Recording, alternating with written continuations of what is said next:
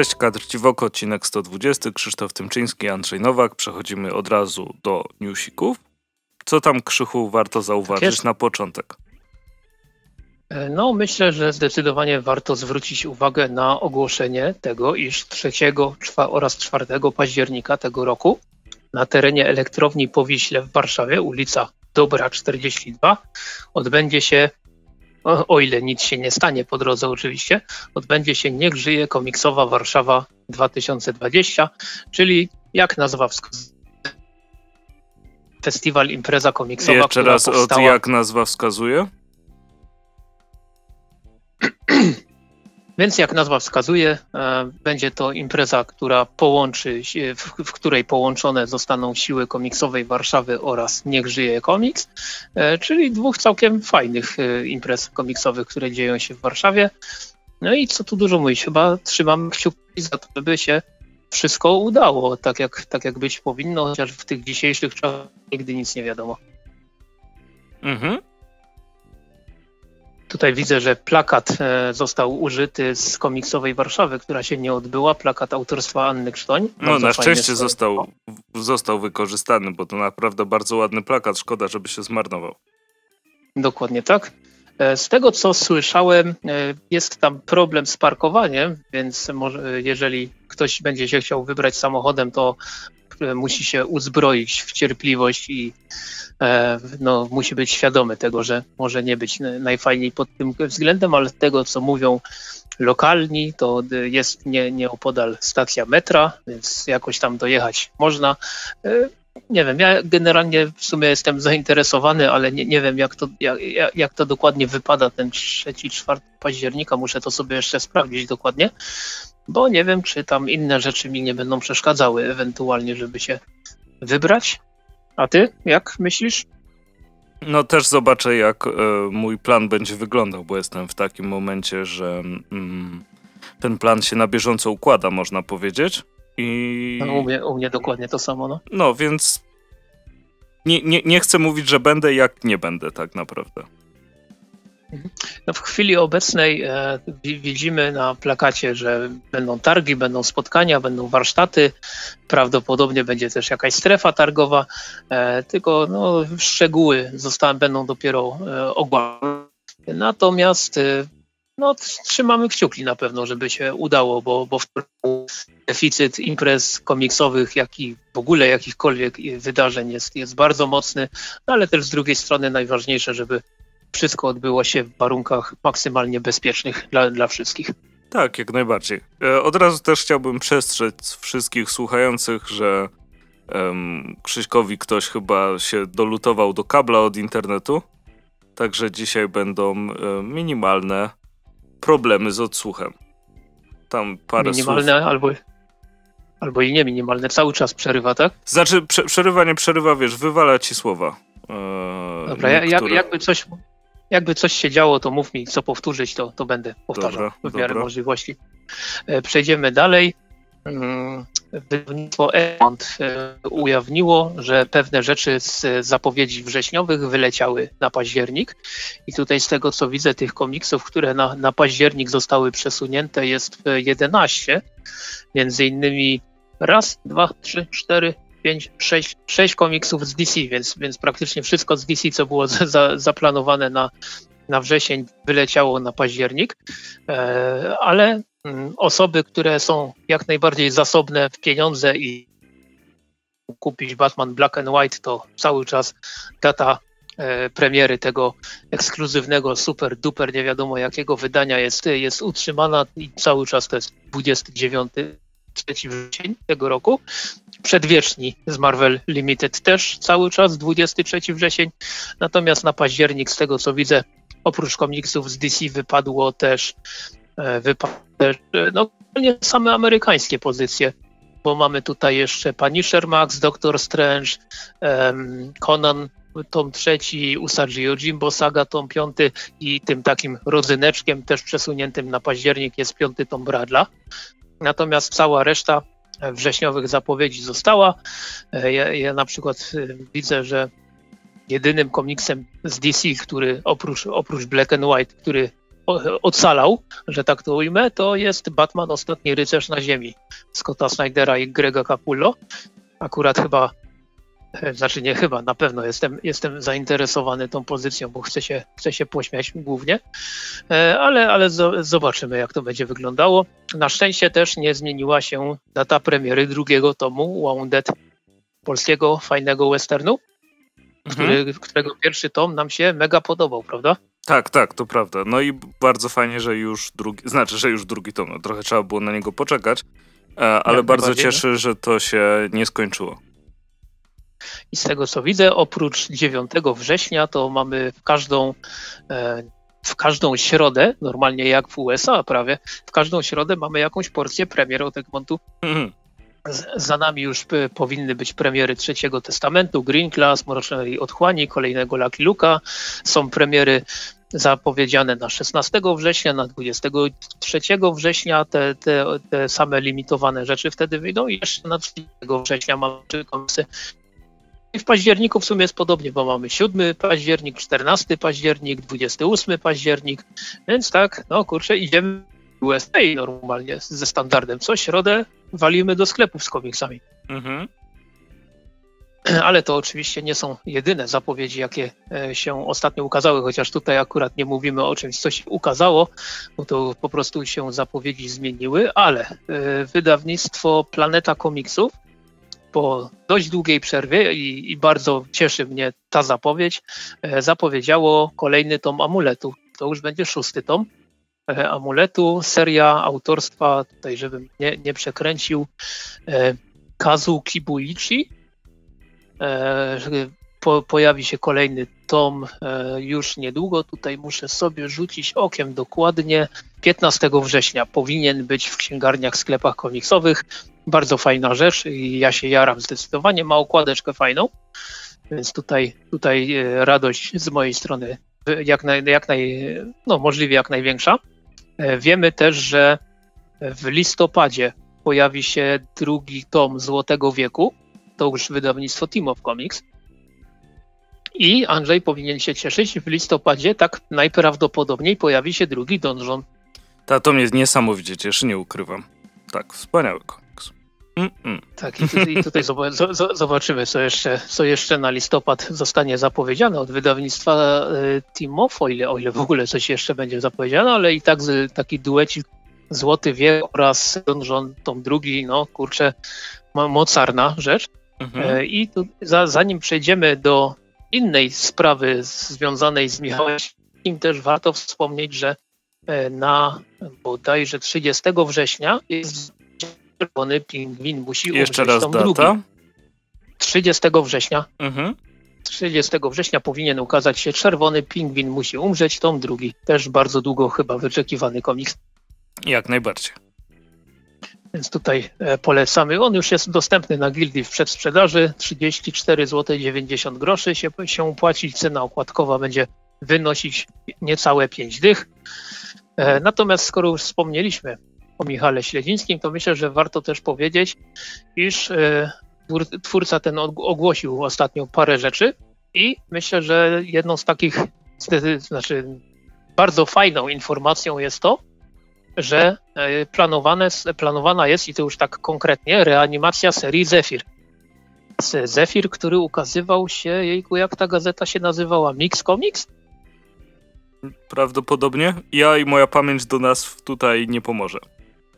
No kurczę, ale chyba tak, chyba w Mix Comicsie e, Zephyr się ukazywał i Michał Śledziński ogłosił, że cytuję, zespół, który montuje do reanimacji serii Zephyr nabiera kształtów, chłopaki tym razem w mniejszości. E, I tutaj mam nadzieję, trzymam kciuki, że e, Dorcia Papierek bierze udział w tym, w tym przedsięwzięciu, ponieważ to jest jak dla mnie osoba idealna do, do rysowania mhm. nowego Zefira. No i też została podana informacja, że jest, jest już stworzona rozpiska wydania zbiorczego komiksu, który kiedyś śledził robił z KRL-em. I e, najpierw to sobie wszystko poukładają, ale jeszcze w tym, w tym roku będą jakieś konkretniejsze informacje na ten temat. Więc no, co tu dużo mówić. E, śledził ostatnio dość dużo pracuje, jeśli chodzi o komiksiki i oby, oby z tego wyszło możliwie jak najwięcej fajnych, fajnych projektów, prawda? Mhm. No, jak, jak najbardziej. I, I fajnie, że domyślam się, że też dużym jakby wyzwaniem jest e, zrezygnowanie, znaczy zrezygnowanie. Jest przekazanie rysowania komuś innemu, nie? Mhm. Więc e, taki ruch też cieszy w związku z tym, żeby to w ogóle e, miało jakiś termin ukazania się. No i bardzo czekam z zapowiedzi ostatnia taka, taka ciekawa rzecz. Też 30 września 2020 roku. Mam nadzieję, że tym razem było słychać i będzie słychać, ponieważ pojawi się 29 zeszyt Wilka. Mhm. Czarne scenariusze z bardzo, bardzo fajną okładką. I no jak to zwykle w przypadku Wilka, zdecydowanie czekam, jaram się i już. już... I już co? Już się nie mogę doczekać premiery tego, tego komiksu. No tak. A teraz jeszcze co, jak, o jakiejś zbiórce powiemy? E, tak, jak najbardziej. E, ponieważ pojawiła się zbiórka na Indiegogo. Indiegogo, typie, nie Indiegogo. Indiegogo brzmi jak... No. Wiem, wiem jak brzmi, bardzo, ba, bardzo specjalnie to tak przeczytałem. Natomiast no, no. pojawiła się tam zbiórka na komiks, który się, taki bardzo eksperymentalny komiks, który się nazywa Pieces. I y, nie wiem, jakbyś mógł druga. przybliżyć? Tak, jakbyś mógł przybliżyć mniej więcej? E, Pieces jest takim e, projektem e, Jakuba e, Mazeranta, w którym każdy artysta rysuje jeden kadr, no i historia się kontynuuje, zresztą chyba do Księgi Rekordów Guinnessa e, trafiła e, pierwsza część za, tak jest, jak najbardziej. za komiks, który ma najwięcej osób biorących udział w procesie twórczym? Jakoś tak.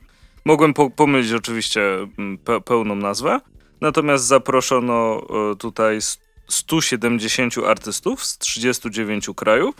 E, już były reklamowane przez, znaczy zbiórka już była reklamowana przez tak wybitnych przedstawicieli jak Piotr Nowacki. E, no i co? Wygląda bardzo fajnie i historia. Zobaczymy, jak się ułoży. O, jak tylko będzie możliwość, to mam zamiar wesprzeć całą kampanię. No bo zapowiada się naprawdę ciekawie, a jest też szansa, że jeszcze pozna się jakichś nowych artystów, których będzie można sobie obserwować, czy później mm, szukać ich komiksów. Także oczywiście propsujemy, link będzie i tak w opisie, nie? Tak jest, jest. E, natomiast ja tutaj powiem, że wypadało, wypadałoby, że się jakoś mocniej, mocniej no, zawrzeć w sobie i wesprzeć ten, ten projekt, ponieważ w chwili obecnej, gdy nagrywamy, ma on zaledwie 6% e, celu, który, który został założony do tego projektu. I jeszcze Natomiast, 40 dni prawie na wsparcie. Tak, tak, dokładnie. Natomiast jeśli chodzi o e, taką, taką dokładną ilość polskich, polskich twórców, którzy w tym, mm, w, tym, w tym projekcie wzięło udział, to sam Jakub Mazerant napisał na fanpage'u magazynu Kreski, że w samej ilustracji pod tytułem Tłum udział wzięło 23 polskich twórców komiksów. A to jeszcze nie koniec, bo są ilustratorzy, projektanci i tak dalej, więc tutaj naprawdę może, znaczy może to będzie wyglądało bardzo ciekawie i, i trzymam kciuki. Skoro mamy dać link do zbiórki w opisie, to już to robię, bo potem zapomnę. E, a powiem wam, że najtańsza opcja, czyli e, wersja cyfrowa, kosztuje 10 australijskich dolarów, czyli w przeliczeniu na nasze pieniądze um, bez groszy paru tam to 28 zł. Tak więc nie jest to jakoś szczególnie duża kwota. E, I myślę, że tak, link już jest wklejony tam, gdzie trzeba, więc, więc klikajcie tam poniżej, wspierajcie, jeżeli chcecie, bo naprawdę fajna rzecz. Mhm. E, natomiast e, mamy też pewną zajawkę ekranizacji komiksu i tutaj myślę, że Andrzej się wypowie, bo się jara. E, tak. jara się? Ja, tak, ja, ja zawsze się jaram, można tak powiedzieć. E, wspominałem o tym, nie wiem czy w zeszłym odcinku, czy dwa odcinki temu, ale pojawił się już w końcu zwiastun Małego Wampira i wygląda bardzo fajnie. Ty nie, nie oglądałeś go krzyk, czy? Tak, zwiastun widziałem. E, widziałeś, dobra. E, ma piękne tła, bardzo ładnie zilustrowane, te, zanimowane te postacie główne, które się tam poruszają. E, ja cały czas odnosiłem takie wrażenie, jak zresztą z moim ulubionym gatunkiem gier, e, z taką przygodówką point and click, że trochę tak to wygląda, e, tylko pięknie. Z, z, tymi, z tymi animacjami. Niewiele zrozumiałem, albowiem mój francuski nie istnieje. Tak? Niestety. Oui, oui. No, jak, jak Lech Roch Pawlak mógłby, mógłbym co najwyżej. E, wpadałoby to w końcu zmienić. No, tak czy siak. Jeśli, jeśli chodzi o tą animację, dostaliśmy w końcu e, zwiastun. Bardzo ładnie wygląda zanimowany. 21 e, października jest premiera w kinach we Francji, więc no, z, zobaczymy, jak to trafi do Polski. No, jest współ... Studio Kanal się zajmuje produkcją tego, więc mam, czy tam dystrybucją więc mam nadzieję, że w jakiś sposób do nas trafi, jeśli nie do kin, co byłoby fajne. W sensie, byłoby fajne, jakby trafił do kin. E, to mam nadzieję, że ostatecznie wyląduje na, na samym Kanal Plus. I, I wtedy będzie się to dało hmm. jakoś legalnie obejrzeć w Polsce. Jak najbardziej trzymam kciuki również. No ja zwiastun obejrzałem i dokładnie te, te, same, te same wrażenia. Nic nie zrozumiałem, ale bardzo ładnie to wygląda, więc w sumie jaranko.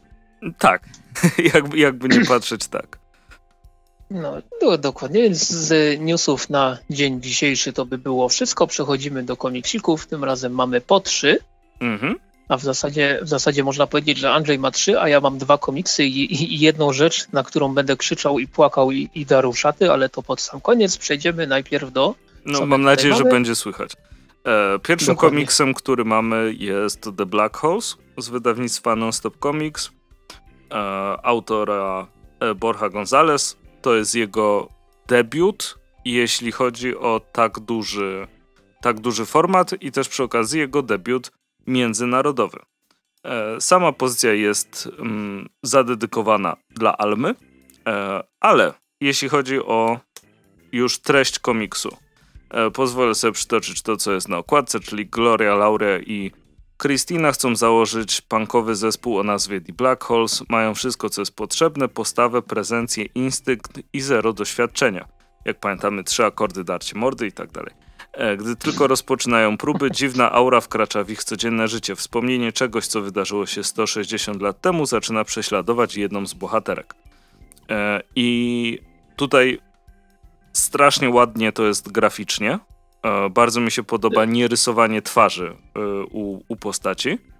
A, tak, tak, mogę się wciąć tylko na sekundkę? No dawaj, e, dawaj. Bardzo, bardzo ciekawe jest to, że opis, który widzę na Gildii jest, jest bardzo inny od tego, co jest na, na tyle komiksu, a z reguły one się pokrywają. Ale to takie, takie myślenia. No dobra, i tak pod koniec przerwało. Super.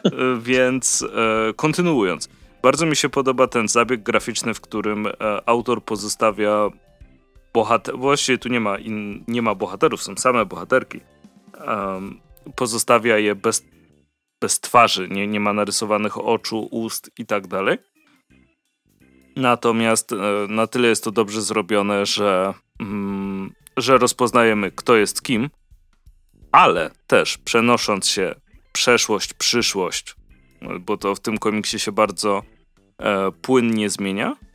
Mm, czasem niektóre postaci są podobne i właśnie to jest to jakby wspomnienie, które częściowo prześladuje, więc to jest kolejna rzecz, którą, którą tutaj e, można dołożyć z takiej aury tajemniczości. To też mi się bardzo podobało. Jest przepięknie zilustrowane. E, bardzo dużo dzieje się w nocy. Więc jeśli spojrzycie sobie na okładkę komiksu, to mniej więcej ta paleta barw, która E, no, wygląda trochę jak pierwszy Game Boy. Chodzi nie o sposób rysowania, tu, tu, tu wszystko jest gładziutkie, płynne, pięknie wyglądające, e, ale właśnie te rodzaje czerni i takiej jakby, kurczę, ja, ja i nazywanie kolorów. Taki brudny zielony bym powiedział.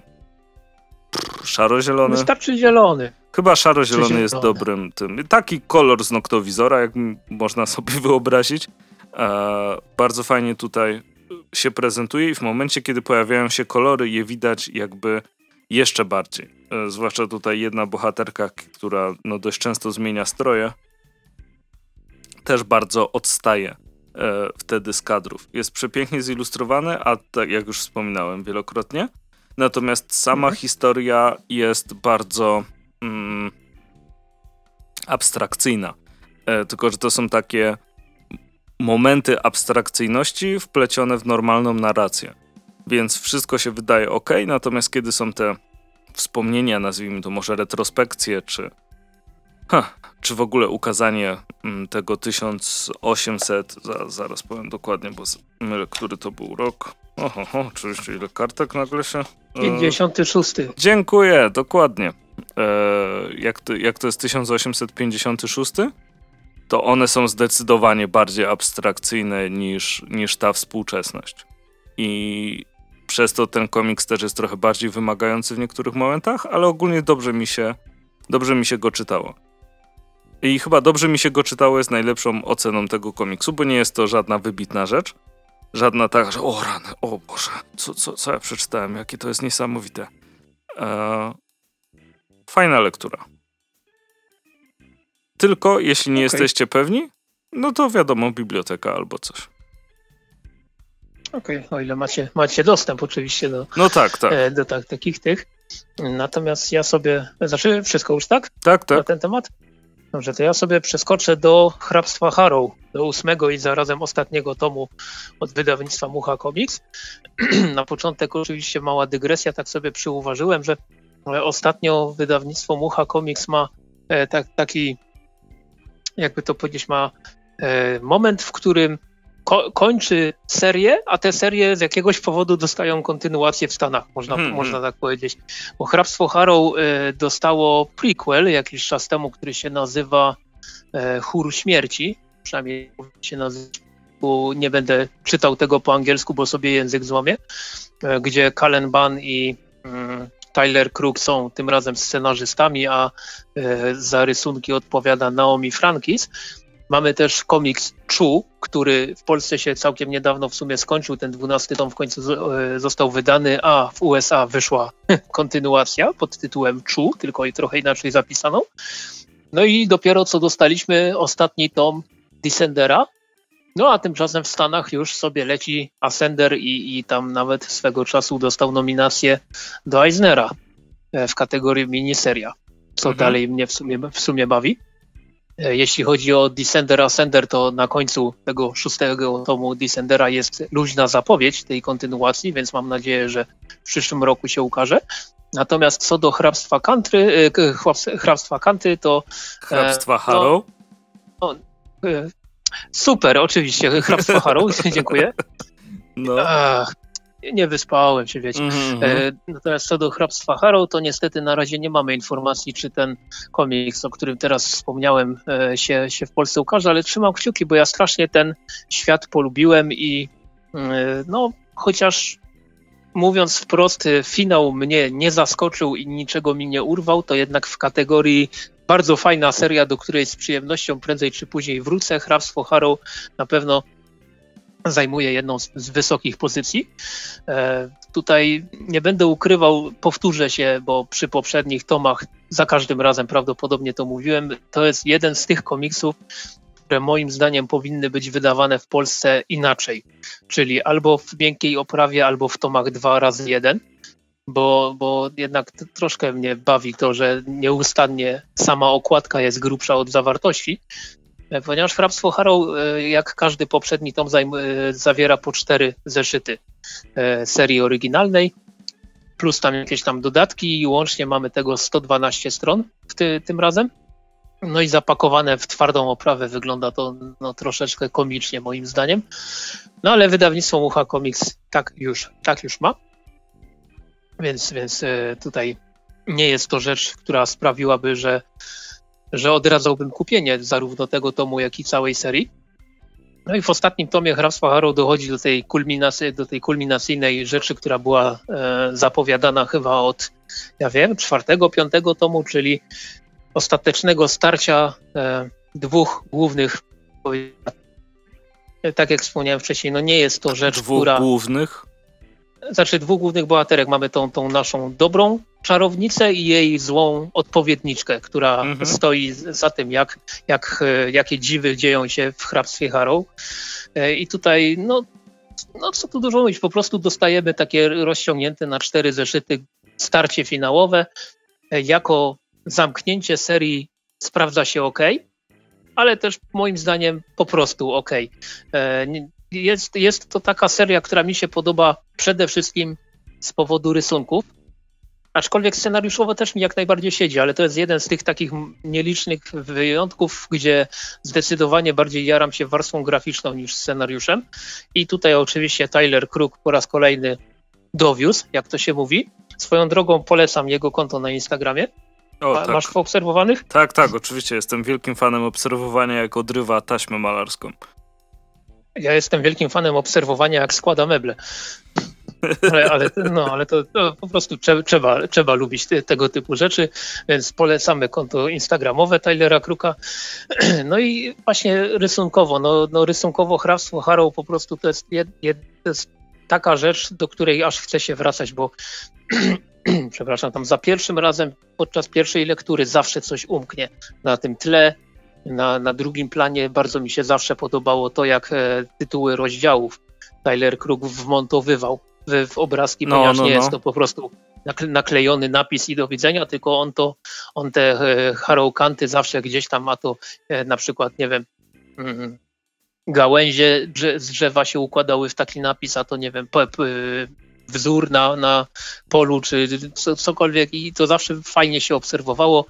E, rysunkowo naprawdę super sprawa i bardzo się cieszę, że wydawnictwo Mucha Comics w ogóle sięgnęło po ten tytuł, bo, bo przyznam szczerze, mm, e, na tyle, na ile się orientuję w ofercie wydawnictwa Mucha, to oni lubią sięgać po takie rzeczy, które już mają powiedzmy pewną renomę Natomiast te lata temu sięgali po hrabstwo Harrow, to jednak to był taki, wtedy jeszcze to był tytuł, który w Stanach się ukazywał i, i on równie dobrze mógł, nie wiadomo jak dobrze odpalić, a, a też mógł po prostu się rozmienić na, rozmienić na drobne.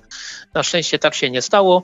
Dostaliśmy naprawdę bardzo fajny, solidny komiks z przepięknymi rysunkami od początku do końca. Tam nawet jak w, w pojedynczych zeszytach, rozdziałach pojawiają się rysownicy gościnni, żeby trochę Tylera Kruka odciążyć, to i tak potrafią się bardzo fajnie wpasować w klimat.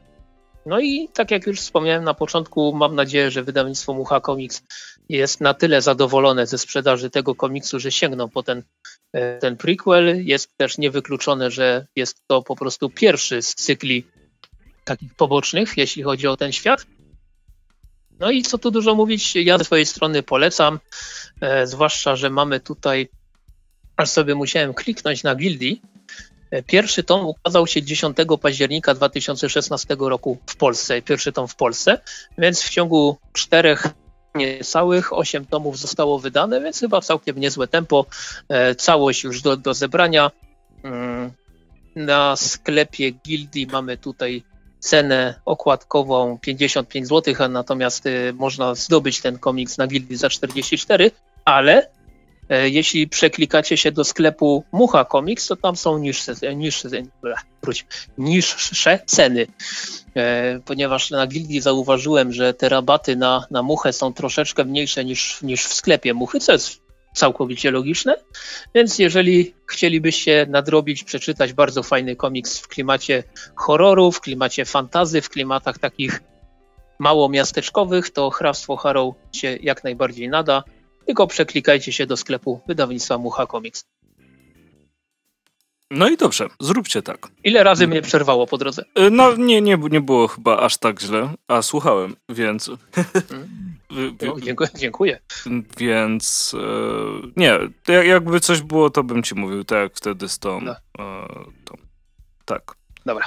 Dobra, to co? Przechodzimy do kolejnego komiksu. Um, tym razem są to e, Góry Szaleństwa od, wydane przez Team of Comics. autorem e, komiksu, który zresztą może opowieści ilustrowanej, bo tak jest napisane na górze, e, jest Adam Fyda, który tutaj Mam nadzieję, że nie mylę. To jego pierwszy, ale nie ostatni komiks. Tak, nie mylę, bo tak jest napisane na skrzydełku okładki. Mm. sam komiks jest e, oparty na e, motywach powieści oczywiście Lovecrafta w Górach Szaleństwa i i co? I bardzo lubię Lovecrafta. To, to znaczy, bardzo lubię książki Lovecrafta. W ten sposób. E, zdecydowanie e, lepsze, lepsze określenie. Mm, komiks mi się podobał. Książkę też z, zresztą opowiadanie? Hm, nie no, powiesz, bo to, to znacznie dłuższe było. E, w Górach Szaleństwa bardzo, bardzo lubię jako samą historię, więc oj, coś się nie tak dzieje z gardłem. Więc po sam komiks sięgnąłem bardzo, bardzo chętnie. I, I co? I nie zawiodłem się. Na początku y, musiałem się trochę przyzwyczaić do stylu, w jakim jest rysowany, y, ale tutaj obwiniam okładkę. Dlatego, że okładka jest, jest super przepiękna i niesamowicie zrobiona. E, komiks nie wygląda jak okładka, ale to jest tylko jakby taki mm, takie początkowe zderzenie, że a jednak nie. Natomiast y, tu nie chcę nic odbierać rysunkom, bo jest naprawdę, naprawdę w porządku. Może nie jestem zbyt wielkim fanem kolorowania w ten sposób. E, natomiast robienie tutaj e, czarno-białych retrospekcji bardzo fajnie wyszło. E, ba bardzo też doceniam, kiedy ktoś jest w stanie poradzić z takimi rzeczami, które są stricte tekstowe i wiem, że to jest bardzo proste zrobienie, że tutaj leży dziennik, tutaj jest jakaś gazeta i tak dalej. Ale tutaj się to sprawdza i, i wszystko, wszystko jest, jest w porządku, dobrze uzupełnia samą narrację. E, jedyne, co mi chyba się tylko tak rzuciło w oczy, to mm, kadr, na którym y, jest luneta. Y, to tam jest coś nie tak z perspektywą z ręką. Tak, tak mi się wydaje. Y, ale to jest jakby jedyna rzecz, która która tutaj w jakiś sposób mi się rzuciła negatywnie w oczy. E, bardzo fajne podejście jest też później, kiedy zaczynają się już, no właściwie te góry szaleństwa, te wszystkie jakieś abominacje, nie abominacje i inne trudne słowa oznaczające abominacje są, są pokazane. Ta jaskinia i światło wpadające w jaskini, która, która będzie, sorry za spoiler, jeśli ktoś uważa to za spoiler, E, bardzo, bardzo fajnie zrobione. E, sam pomysł na miasto też wydaje mi się. E, zrobiłem spoiler, jeśli ktoś nie czytał tego. Ha, no tak. trudno, już będę w to brnął. sam pomysł na te budowle, które, które będą pokazane, wydaje mi się bardzo, bardzo ciekawy. I i fajnie, że takie coś się ukazało. Lovecraft też wydaje mi się jest dobrym sposobem, żeby e, przebić się ze swoją e, twórczością do, do innych odbiorców, bo no jednak posiada pewną grupę odbiorców, którzy no w ciemno będą brali takie rzeczy. E, I, mhm. I co? Różni się zdecydowanie od innych podejść do, do Lovecrafta do tego, które prezentował Breccia, bo to, no ale porównywanie się, znaczy w ogóle Breccia jest jakby poza kontrolą, jest osobnym poziomem. E, w Polsce ukazują się jeszcze te mm, mangi, prawda? Z adaptacjami e, Lovecrafta, które zresztą bardzo, bardzo lubię. To jest gdzieś. Hmm, ta, tam bardziej czuć horror. Tutaj zresztą we wstępie było mówione e, o tym, we wstępie jest napisane. E, tu pozwolę sobie przytoczyć. E, od, początku, od samego początku mojej pracy nad komiksem chciałem, aby był on pełen kolorów, nawet jeśli duża część tej historii dzieje się w podziemnych korytarzach. Głównym zamysłem było pokazanie powieści Lovecrafta inaczej niż to się zwykle z nim kojarzy. I to się zdecydowanie udało. To jest fajny komiks, żeby jeszcze też bardziej wskoczyć w Lovecrafta. E, wydaje mi się. No i chciałbym też zobaczyć kolejne komiksy od e, Adama Fydy i zobaczyć, co, co jeszcze wymyśli. A jeśli, był jaki, jeśli zrobiłby e, jakiś komiks zilustrowany w ten sposób, co, e, co okładka, no to już w ogóle byłby, byłby kosmos. Także dla fanów Lovecrafta polecam. Ogólnie jako komiks jest ok.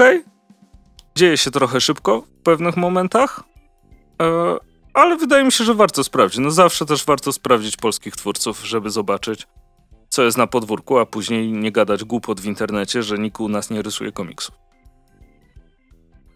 Rzekłem. Oprócz Rosińskiego. Okej. Okay. Tak, no. Natomiast ja tylko dorzucę.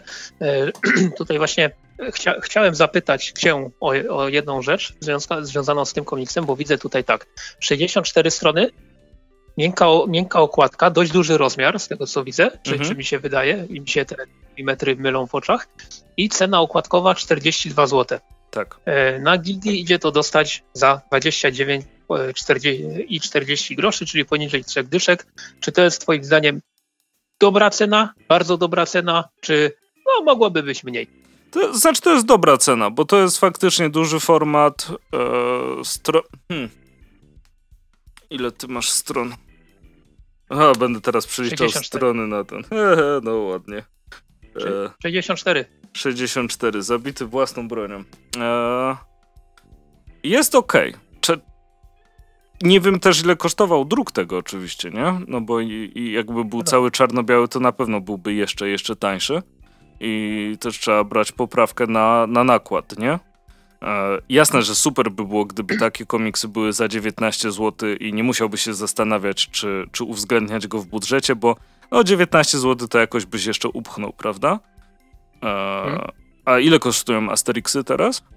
Czy tam Lucky Luki No właśnie tak y, tak właśnie chciałem powiedzieć, że w porównaniu do Asterixów, Lucky Luke'ów, które mają, wiadomo, pewnie odpowiednio dużo, dużo większy nakład, ale no. cena tam bodajże 23 zł jest za, za taki album, no to tak można powiedzieć, że no tutaj jest dość, dość y, dostrzegalna różnica, co może się też przerzucić niestety na, e, na ten, na sprzedaż ewentualną. Tak, oczywiście, no ale fakt faktem, jakby wiesz, porównywać to dystrybucję Egmontu Hmm. I jeszcze jakby popularność e, Asterixów, Smurfów i tak dalej, że to są mm, komiksy również dla dzieci, no to nie jest komiks dla dzieci. To na pewno też wpływa, wpływa na cenę. Wie, więc jest jak najbardziej ok. Rodacy chyba są najtańszym komiksem z Timofa, nie? O, 15 zł, trójka. Ale są czarno-biali w środku. Tak, tak i no to, to jest też to, taki to format in... kieszonkowy. No, no tak, tak, tak, to, to, to też prawda, to też inne, inne koszta. E, wiesz, no ciężko mi powiedzieć, tak jak rozmawialiśmy wtedy o, o mainstreamie, e, no to dalej mi się mhm. wydaje, że jednak ta dostępność jest, jest najważniejsza. Jak e, ktoś, no, hmm, no musisz znaleźć te komiksy, prawda? Jeśli to nie, nie jesteś w księgarni, gdzie go, gdzie go zobaczysz i tak dalej, to tych księgarni wcale tak, tak dużo nie ma, które mają te komiksy, prawda? E, mhm. Zostaje ci przeglądanie sklepów internetowych, a tam masz wszystko dostępne, więc to, to, że ci coś wpadnie w oko, to nie znaczy, że, że to kupisz. A jest też spora szansa, że ci nie wpadnie w oko, bo zgubi się w morzu wszystkiego. Tak naprawdę. Mhm. No. Dobra, to, to, to jest dla mnie możemy... dalej największy problem, jakby e, mniejszych, e, znaczy. E, tych wydawnictw komiksowych z dotarciem do, do, do nowych czytelników jest taki, że po prostu ci czytelnicy nie mają gdzie tych komiksów zobaczyć. Ale to jest trochę błędne koło, bo nie mogę winić wydawców za to, że zostawiają domy, mieszkania pod hipotekę, żeby mieć komiksy w kioskach, no bo to też bez sensu. Dokładnie, dobra, to, e, to, to tak można powiedzieć pod rozwagę. E, natomiast przechodzimy dalej. Ja, ja teraz e, znaczy, oczywiście z przerwą, ale, ale myślę, że będą teraz trzy komiksiki, które, które nie, niekoniecznie może będziemy chcieli polecać. Ja, ja sobie nawet tak powiem, że pod ten odcinek specjalnie wybrałem sobie takie rzeczy, które mnie ostatnio albo nie wywaliły z butów, ale, ale były ok, albo też, i właśnie teraz do tego będę, będę chciał przejść, do komiksów, które których nie polecam po prostu. To tak pierwszy raz od dłuższego czasu Wybrałem sobie dwa komiksy, których za cholerę nie polecam nikomu. I o pierwszym z nich, e, pierwszy z nich to jest Nowa Przyjaciółka z wydawnictwa Jaguar. Tutaj oczywiście trzeba wziąć poprawkę pod to, że e, zdecydowanie nie jestem w grupie docelowej tego komiksu, ponieważ wydawnictwo Jaguar ma, e, ja to tak, tak może nie do końca ładnie, ale, ale tak, tak luźno mi się, mi się narzuciło, że oni mają taką linię komiksów dla nastoletnich dziewczynek. I nowa przyjaciółka właśnie w autorstwa Kirsten Good Snook e, idealnie się w to wpisuje, ponieważ zdecydowanie to jest komiks, którego głównym odbiorcą właśnie powinna być taka e, dziewczynka w wieku od 12 lat wzwyż, więc zdecydowanie do tej grupy się nie łapie, ale poprzednie komiksy e, z tego z tej, z tej takiej linii właśnie mi całkiem fajnie siadły, bo e, ja oczywiście teraz już totalnie zapomniałem, jak one się nazywały, zaraz to sobie sprawdzę. O, właśnie było najlepsze przyjaciółki, było trzy, e, było coś, coś jeszcze, zaraz to sobie Była... znajdę. Każdy, no... Dzień dobry, głowa do góry Sany, czy coś takiego? No to, tak, tak, to, bo tego były, tego były dwie części i też na przykład takie, taki mm, no dobra, te uwagę, strzeżcie się potwory, strzeżcie się smoki i tak dalej, też w sumie się wpisywało w tą, w tą linię raczej komiks skierowanego dla, dla dziewcząt niż chłopaków, ale kurczę, to, to akurat było tak super, że, że to każdemu polecam. Jeszcze było prawdziwe przyjaciółki, o ty, tych, tych przyjaciółek tutaj strasznie dużo w, w, w tytułach komiksów od e, wydawnictwa Jaguar. Natomiast e, no, nowa przyjaciółka mi totalnie nie siadła w, porów, w przyrównaniu do tamtych poprzednich rzeczy. To jest komiks, który opowiada o e, Daniel, która jest w siódmej klasie, cokolwiek to oznacza w USA, ale podejrzewam, że właśnie jest w takim wieku około e, 12-15 lat. E, I ona zmieniła szkołę. Jej dotychczasowe przyjaciółki trafiły do zupełnie innych klas, gdzie tworzą nowe grupki e, i, i super, super, się odnajdują. Natomiast Dany jest taka e, zamknięta w sobie troszeczkę, można powiedzieć, uchodzi za dziwaka, bo ma takie małe poczucie humoru, bardzo lubi mangi, jest zamknięta w sobie i, i tego typu rzeczy. Mm, I dodatkowo znajduje ona no, notes po swojej babci. I ten notes okazuje się mieć magiczne właściwości to, co zostanie w nim naszkicowane, natychmiast się materializuje i jest żywe. Więc dany po tym, jak rysuje parę rzeczy i, i okazuje się, że no, ten notes działa tak, jak działa, postanawia sobie narysować idealną przyjaciółkę.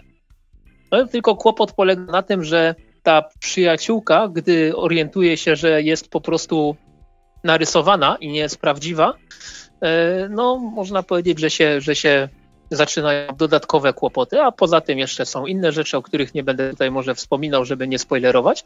E, całość ma generalnie 272 strony, więc jest to kawał, kawał czytania e, i jest tutaj sporo wątków poprowadzonych, także między innymi tam e, prześladowania, takie można powiedzieć silniejszych uczniów nad, nad tymi, których uważają za tych właśnie takich w cudzysłowie frajerów. I no generalnie bardzo dużo takich typowo licealnych wątków z, ze szczyptą fantastyki, magii, tego, tego typu rzeczy, I tylko że to się dla mnie nie, nie zagryzło jakoś szczególnie mocno, bo ani główna bohaterka mnie nie, mnie nie przekonała, ani ta narysowana Madison nie jest jakaś szczególnie ciekawa. Kolejny raz czytać o tym, o liceum i, i, i wszystkie możliwe typowe rzeczy, które się dzieją w liceum są w tym komiksie odhaczone. E, a ten taki, można powiedzieć, magiczny dodatek jest w pewnym momencie strasznie naiwny, nawet moim zdaniem, jak na, jak na komiks dla młodszego odbiorcy. Finał to już w ogóle mnie nie przekonał, nie rzucił na kolana tylko było takie serio, ta, tak to rozwiązujecie, więc tutaj jeśli chodzi o e, nową przyjaciółkę, to to jest pierwsza rzecz od wydawnictwa Jaguar, która mnie nie przekonała tak na dobrą sprawę. Z tych rzeczy, które oczywiście e, czytałem, bo tam nie, nie wszystkie rzeczy od tego wydawcy trafiają w moje ręce, to oni mają też komiksy chyba z Minecrafta, a Minecraft to jest dla mnie czarna magia, więc omijam to jakimś gigantycznym łukiem.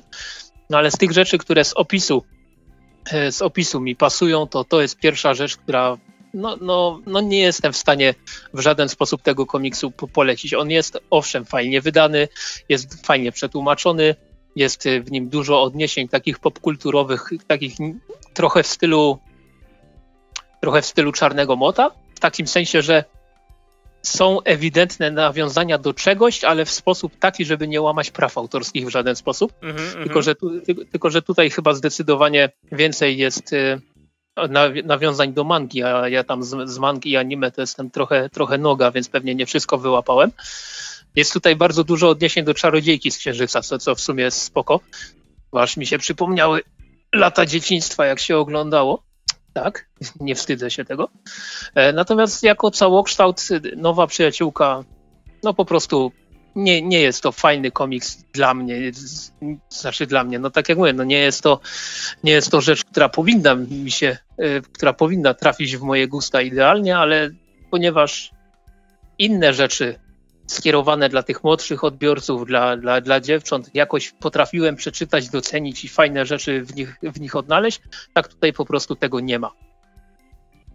Nie, nie jestem w stanie tego, tego konkretnego tytułu polecić. Myślę, że zdecydowanie trzymaj się Sany, głowa do góry Sany, czy y, no, inne tytuły, które wcześniej wymieniłem, są, są dużo lepszą alternatywą, a cena okładkowa jest, jest chyba identyczna, bardzo podobna. Tutaj nowa przyjaciółka jest za 39,90. To jest taki format, można powiedzieć, kieszonkowy, torebkowy, o może bardziej torebkowy, bo do kieszeni to ten komiks by zdecydowanie nikomu nie wszedł, e, ale e, i tak jak wspomniałem, 272 strony, więc jest co czytać, ale też no, nie jest to rzecz, która mi się jakoś mocno podobała. W zasadzie w ogóle mi się nie podobała. Rysunkowo jest, jest fajne i w sumie tyle.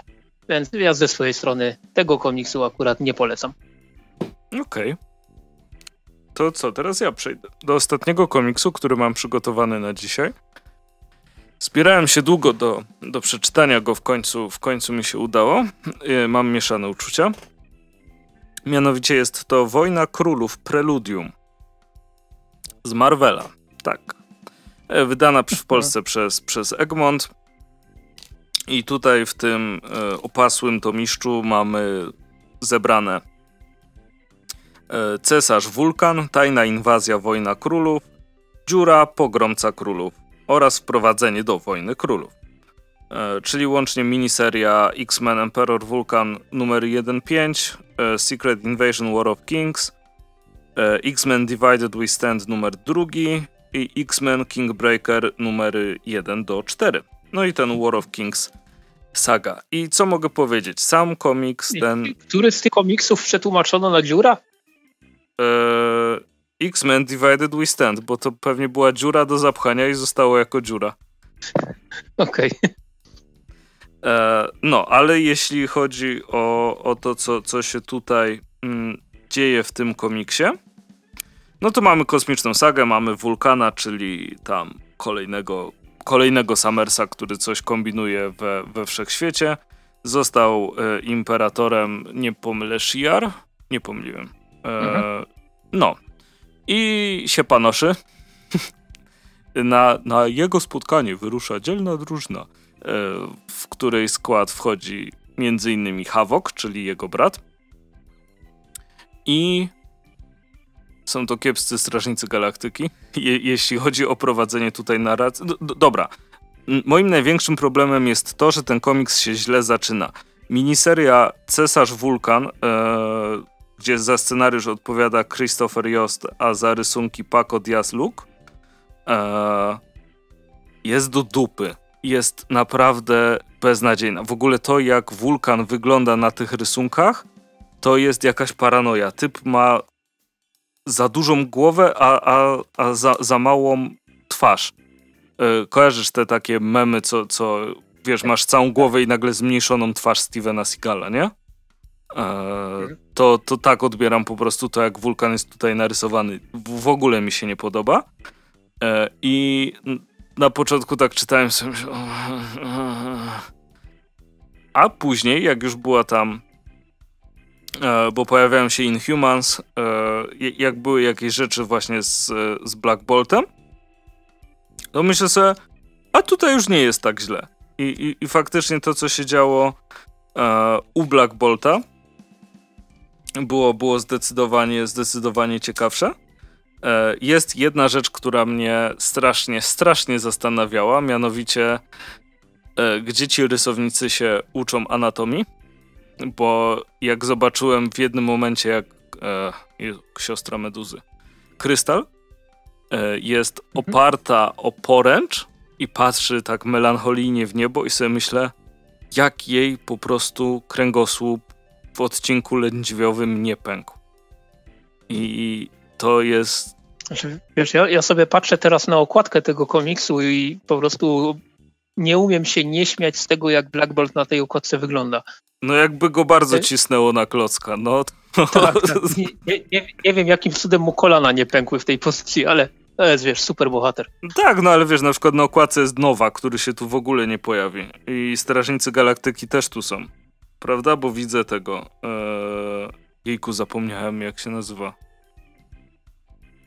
O człowieku, kogo Drax? grał? Tak, dziękuję.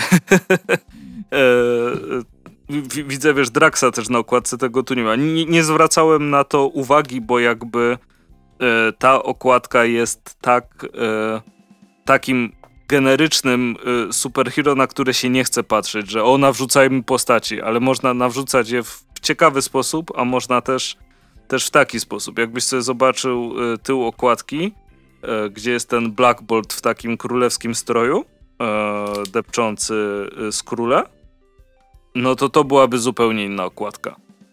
Mm, tylko, że też byłaby równie myląca, dlatego że tu Black Bolt się pojawia no, w tej jednej historii, tak naprawdę. Większość jest o wulkanie i o, i o Hawoku. E, jeśli chodzi o sam sposób skonstruowania tej historii, no to wiadomo, dużo rzeczy się tu dzieje. Warto znać całą resztę rzeczy z Marvela, czemu oni gonią te skróle, e, że to się działo właściwie zaraz po tym. Po tych tajnych wojnach oni e, uciekają. I co? Jest, jest bardzo mieszanie, dlatego że historia... No, generalnie no. mogę się wciąć znowu? Dawaj. Bo generalnie tak, żeby wsiąść do Wojny Królów, to trzeba znać na pewno e, X-Men Tajna Geneza, prawda? Bo tam jest, e, czy Zabójcza Geneza, czy jak to się tam nazywało. Tak, tak. E, czyli, czyli komiks, z, którym, e, z którego ten wulkan się w ogóle wziął. E, prawdopodobnie Wojna Królów jest też po anihilacji jednej i drugiej i pewnie też tam są jakieś odwołania do tej anihilacji. Jeszcze są odwołania do tajnej inwazji. Więc tak. no... O, ogólnie jest. na końcu y, jak jest to, to pokazane, że Wojna Królów poznaje całą historię. E, I w ogóle beznadziejny font, przepraszam. E, jest X-Men Mordercza Geneza, Uncanny X-Men Powstanie i Upadek Imperium Shi'ar. A, właśnie jeszcze to, no. E, Strażnicy Galaktyki, Wojna Królów Preludium. Natomiast sama Wojna Królów nie wiem, czy została przesunięta, czy nie, ale była planowana na lipiec 2020. O, i przy okazji na okładce tej pełnoprawnej Wojny Królów, nie Preludium, tak. E, krystal znowu jest w tej kretyńskiej pozycji. E, nie tak, mówiąc właśnie, o tym, jak spojrzysz na prawo. Li, tak, li, właśnie. To samo. Ja, ja, tak patrzę na tą okładkę i nie wiem, czy mam do czynienia z komiksem o wojnie w kosmosie, czy z tanim pornolem. No ale cóż, nie czytałem. E, e, no, kurczę, jeśli ktoś jest zainteresowany tym kosmicznym Marvelem, to na pewno po to sięgnie, bo niespecjalnie ma inne wyjście. E, I tutaj mogło być naprawdę fajnie, ale też po raz kolejny mamy jakby mnóstwo różnych scenarzystów, niby współtworzących jedną historię, ale czasem się to e, no roztrzaskuje tak naprawdę. I jeśli są naprawdę fajne momenty, to za chwilę jest coś, co je, co je całkowicie psuje. Tutaj był jeden moment, gdzie, gdzie był naprawdę przepięknie narysowany i aż się, aż się zdziwiłem. E, w momencie, kiedy tam e, Havok był e, uwięziony w jednym momencie. O, to znowu zwalnąłem spoiler. He, he. E, tam, oj, tam oni często są gdzieś uwięzieni. Tak, no dokładnie. Czasem sami w, w sobie. Hm, hm. E, bo to było przed Kingbreakerem. A czyli właśnie to jest ta dziura. E, tego X-Men Divided We Stand. E, hmm. Które jak, jak spojrz, spojrzałbyś na okładkę, w, możesz sobie nawet wpisać X-Men Divided We Stand numer 2. Tam jest e, Havok, Bestia. Nie mam pojęcia kto to jest. Myślałem, że to jest Bishop, ale to przecież nie jest Bishop. Um, okładka wygląda tak, żebym w życiu po to nie sięgnął. E, na, natomiast sam komiks jest tak przepięknie zilustrowany, zaraz powiem kto go e, ilustrował, Fraser Irving. Mhm. I, I to jest, to, to tak odstaje po prostu od tej takiej e, reszty, który, która jest w tym komiksie, że aż, że aż ci jest przykro, że większość nie jest tak narysowana. E, bo tam są naprawdę i piękne kadry i jest szansa na fajniejszą historię, ale później wracamy do standardowego piu-piu. E, tutaj coś się dzieje, tu coś się dzieje. Chociaż, nie ukrywam, ten komiks robi się lepszy z czasem. Mam nadzieję, że to nie jest syndrom sztokholmski. E, po prostu ten cesarz wulkan jest mega do dupy serią, a otwiera cały komiks. Od tej od tajnej inwazji, gdzie na chwilę mamy Black Bolta e, i Krystal w bardzo dziwnych pozycjach, to jest paranoja E, ta dziura pogromca królów jest już, jest już lepiej. E, oczywiście generyczny superhero, e, ale przynajmniej da się to jakoś czytać. Więc początek jest naprawdę, naprawdę słaby. No i może sięgnę po zwykłą Wojnę Królów, zobaczymy. Cza czasem jest fajnie wrócić sobie do takich e, prostych super do, do takich zwykłych superbohaterskich opowieści, bo dalej jest w nich dużo rozrywki. Mm, mhm. Tylko, że kwestia, czy ktoś potrafi to dobrze uchwycić, bo jednak e, w momencie, kiedy tutaj widzę, że scenarzyści się nastawiają, że mm, trochę za mało patosu, to to jest moment, w którym powinni, po, powinno się ich pauzować trochę, e, bo robi się to no po prostu niemożliwe do przeczytania. I tak było w Wulkanie, ale później jest trochę lepiej. Okej, okay. rozumiem. Więc e, Preludium Preludium ukazało się w lutym tego roku. Cena okładkowa 89,99, natomiast ta właściwa Wojna Królów ona się przesunęła o jeden miesiąc i ostatecznie ukazała się w sierpniu, czyli całkiem niedawno. I tutaj cena okładkowa 119,99, po, po rabacikach tam oczywiście około 8 dych, więc, więc no, ale te okładki, ja pierdzielę. Odpaliłem, odpaliłem sobie Divide We Stand, tą okładkę, którą mówiłeś. No, no. To ta dziewczyna w prawym górnym roku to jest Serge, którą, y, która, która była w takiej bardzo fajnej ekipie tego New, młodych mutantów. Oni tam mieli serię, która się nazywała New X-Men Academy X i to było najfajniejsze pokolenie mutantów, jakie kiedykolwiek wymyślono, więc oczywiście musieli je zaorać całkowicie. Natomiast faceta w lewym dolnym rogu też nie kojarzę, ale przypuszczam, że to ktoś z, właśnie z tego kosmosu. Ech, no, no ale tak, ale okładka taka sobie, bym powiedział. Tak, to prawda. No, ale i tak w porównaniu do tych, tych potworków z Wojny Królów czy z, czy z Preludium, to, to bez porównania lepsza. Mhm. Natomiast y, pozostajemy, można powiedzieć, w kosmosie, ponieważ tutaj w przypadku komiksu Niewidzialna Republika, kosmos to jest rzecz, która to, to jest słowo, którego będę używał chyba dość często, ponieważ ten komiks jest tak kosmicznie źle wydany, że nawet nie chce mi się mówić o tym, co jest w środku. No ale tak, kronikarskiego obowiązku opowiem, że mamy tutaj do czynienia z historią science fiction, która dzieje się na planecie, na księżycu planety, który się nazywa Avalon. I e, e, głównym bohaterem jest okryty złą sławą reporter, który wpada na trop e, prawdziwej historii padłego reżimu, który wcześniej to, toczył tą, e, to, to, toczył, mm, toczył to, ten Avalon, o którym wcześniej wspomniałem, ten księżyc. E, I historia jest naprawdę fajna. Gdyby nie był tak spartolony na każdym możliwym praktycznie względzie wydawniczym, to ja bym powiedział, że to jest naprawdę super fajny komiks. Tutaj e, scenarzyst, e, scenarzystami jest duet Gabriel Hardman, Corina Beszko.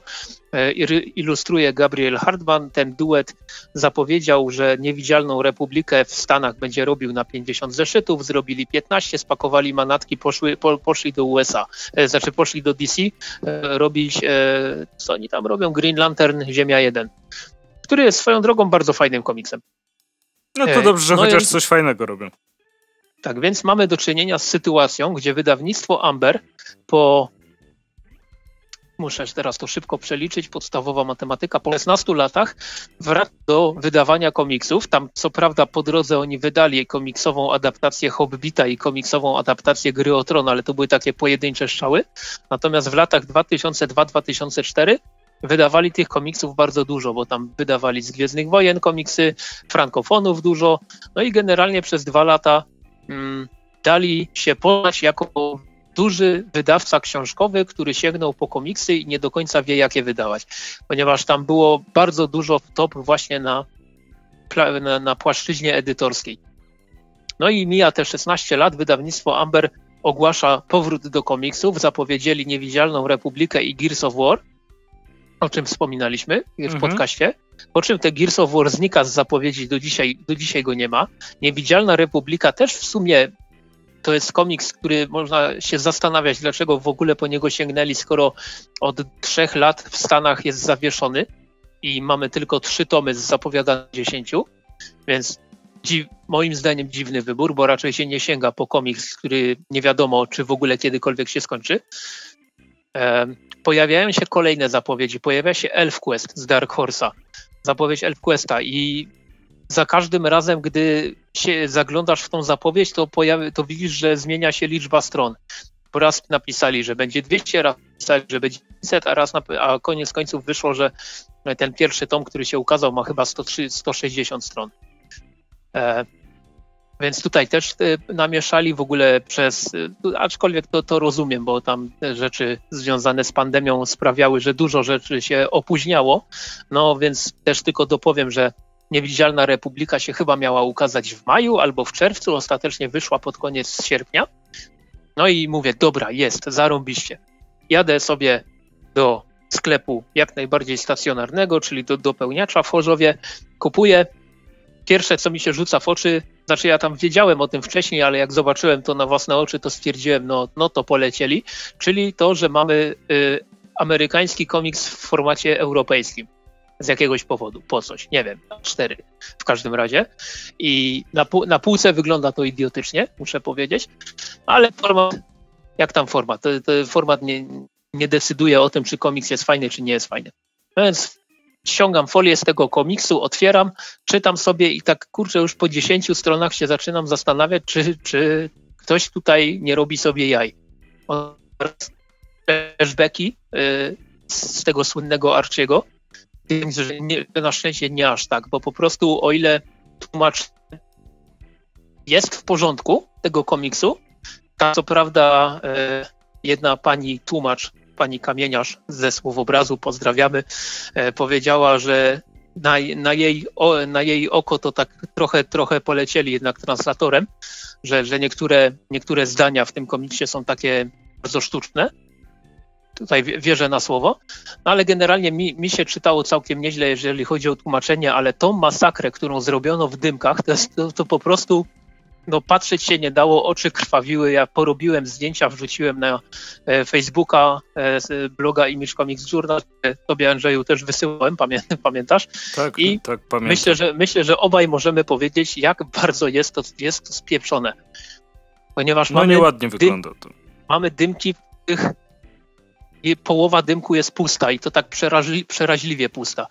E, mamy dymki, w których tekst jest wyrównany do, gór, do górnej krawędzi, a nie do środka. Mamy dymki, w których tekst się w ogóle nie mieści. Mamy dymki, w których tekst się ledwo mieści. A gdy już mamy te, w których tekst się nie mieści, no to co robi wydawca? Przesuwa fragmenty tekstu do, do dymku. Mamy jakieś dziwne dzielenia obra- e, tych, tych słów w dymkach, ponieważ wydawca e, uparł się, że nie będzie dzielił wyrazu. To mamy dymki, które wyglądają tak, że jest przykładowo pięć linijek. Jeden, jedna linijka ma przykładowo pięć słów, później dostajemy enter i jest tam słowo, które ma trzy litery i dostajemy kolejny enter i to wygląda fatalnie. Jest graczna ingerencja w dymki, żeby słowa się tam mieściły. Jest, to jest taka, taka masakra. Tam zresztą w jednym miejscu też w ogóle pomylono kolejność dymków i cała strona jest, e, z, dia, z dialogiem jest praktycznie bez sensu z tego powodu. E, więc no, jeżeli jesteś wydawnictwem Amber, które działa na polskim rynku od 30 paru lat, masz za sobą nieudane podejście do komiksów i chcesz jednak do tych komiksów wrócić, i robisz takie coś, to, to jak, jak czytelnik ma traktować to wydawnictwo jakkolwiek poważnie? Mamy tutaj komiks, który kosztuje 65 zł okładkowo. Mhm. E, na gildii go idzie dostać za 45 zł. Ja, ja go w księgarni, o której wspomniałem wcześniej, też kupiłem z jakimś tam rabatem, ale powiedzmy, że było troszeczkę powyżej 5 dych. I za dych za to wygląda jak Jeszcze raz, jeszcze raz, jeszcze raz od tego, że kupiłeś w księgarni też z jakimś rabatem. Dobra. Dobra, kupiłem w księgarni z rabatem, ale wyszło to powyżej 5 dych leciutko, więc mogę powiedzieć, że zapłaciłem 50 zł za coś tak fatalnie skopanego, jeśli chodzi o liternictwo, o skład, o, o, e, no, no, o tą jakość wydawniczą, że trudno mi w ogóle chcieć myśleć o tym, żeby sięgnąć po tom drugi i tom trzeci, bo więcej tomów i tak nie będzie. E, Amber deklaruje dwumiesięczny cykl wydawniczy Niewidzialnej Republiki. W przypadku wspomnianego wcześniej ElfQuesta tak samo, tylko że ElfQuest ma bodajże 6 tomów mieć. Więc tam w ciągu roku powinna się ta seria ukazać w całości.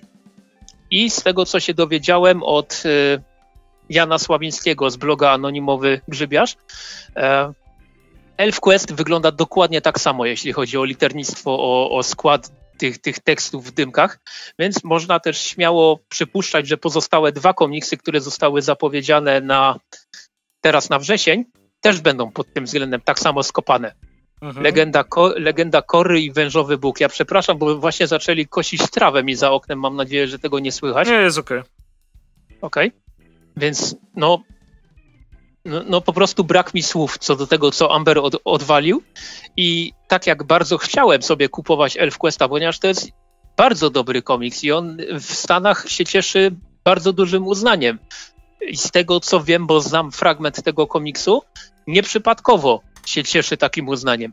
Ale no, jeżeli wydawca polski robi taką kaszanę, to ja na pewno nie dam żadnych pieniędzy i naprawdę, jeżeli chcielibyście sięgnąć po Niewidzialną Republikę z jakiegoś powodu, czy po ElfQuest, to słowo daję, nie, nie, kupujcie polskiego wydania i niech ten Amber, no niech ten Amber po prostu już nie wydaje komiksów, bo, bo jak ma to robić tak, to lepiej, żeby tego nie robił wcale. No widzisz, ale może też e, może też da się poprawić. E, Jakby się dało poprawić, to by już się poprawili, bo przecież mają za sobą jedno podejście całkowicie fatalne do wydawania komiksów, to mogli wyciągnąć wnioski przez te 16 lat. No, może już nie ma tych osób, które powinny wyciągnąć wnioski, teraz na nowo trzeba wyciągać wnioski, wiesz. Różnie może być. E, mam nadzieję, że uda się to poprawić, nie? Archiego też ostatecznie no. poprawiono. No i nigdy nie wydano drugiego tomu. No dobra, no ale tak czy siak. No dobra, ja, ja po prostu jestem całkowicie rozczarowany, zawiedziony tym, że, że Amber wrócił do komiksów w takim, w takim wydaniu, w takim skopanym wydaniu i obiecałem, że nie będę przeklinał, więc nie będę przeklinał, ale, ale naprawdę aż mi się ciśnie mhm. kilka niecenzuralnych słów. No, no to w takim razie e, na tym, jak rozumiem, skończymy. Żebyś nie musiał tak, tak. tu przeklinać, a ja nie miał więcej roboty. Dokładnie, ja muszę wziąć coś na uspokojenie, więc trzeba, trzeba to kończyć. No, a jeszcze zaczęli kosić trawę i zaczyna to być coraz bardziej słychać.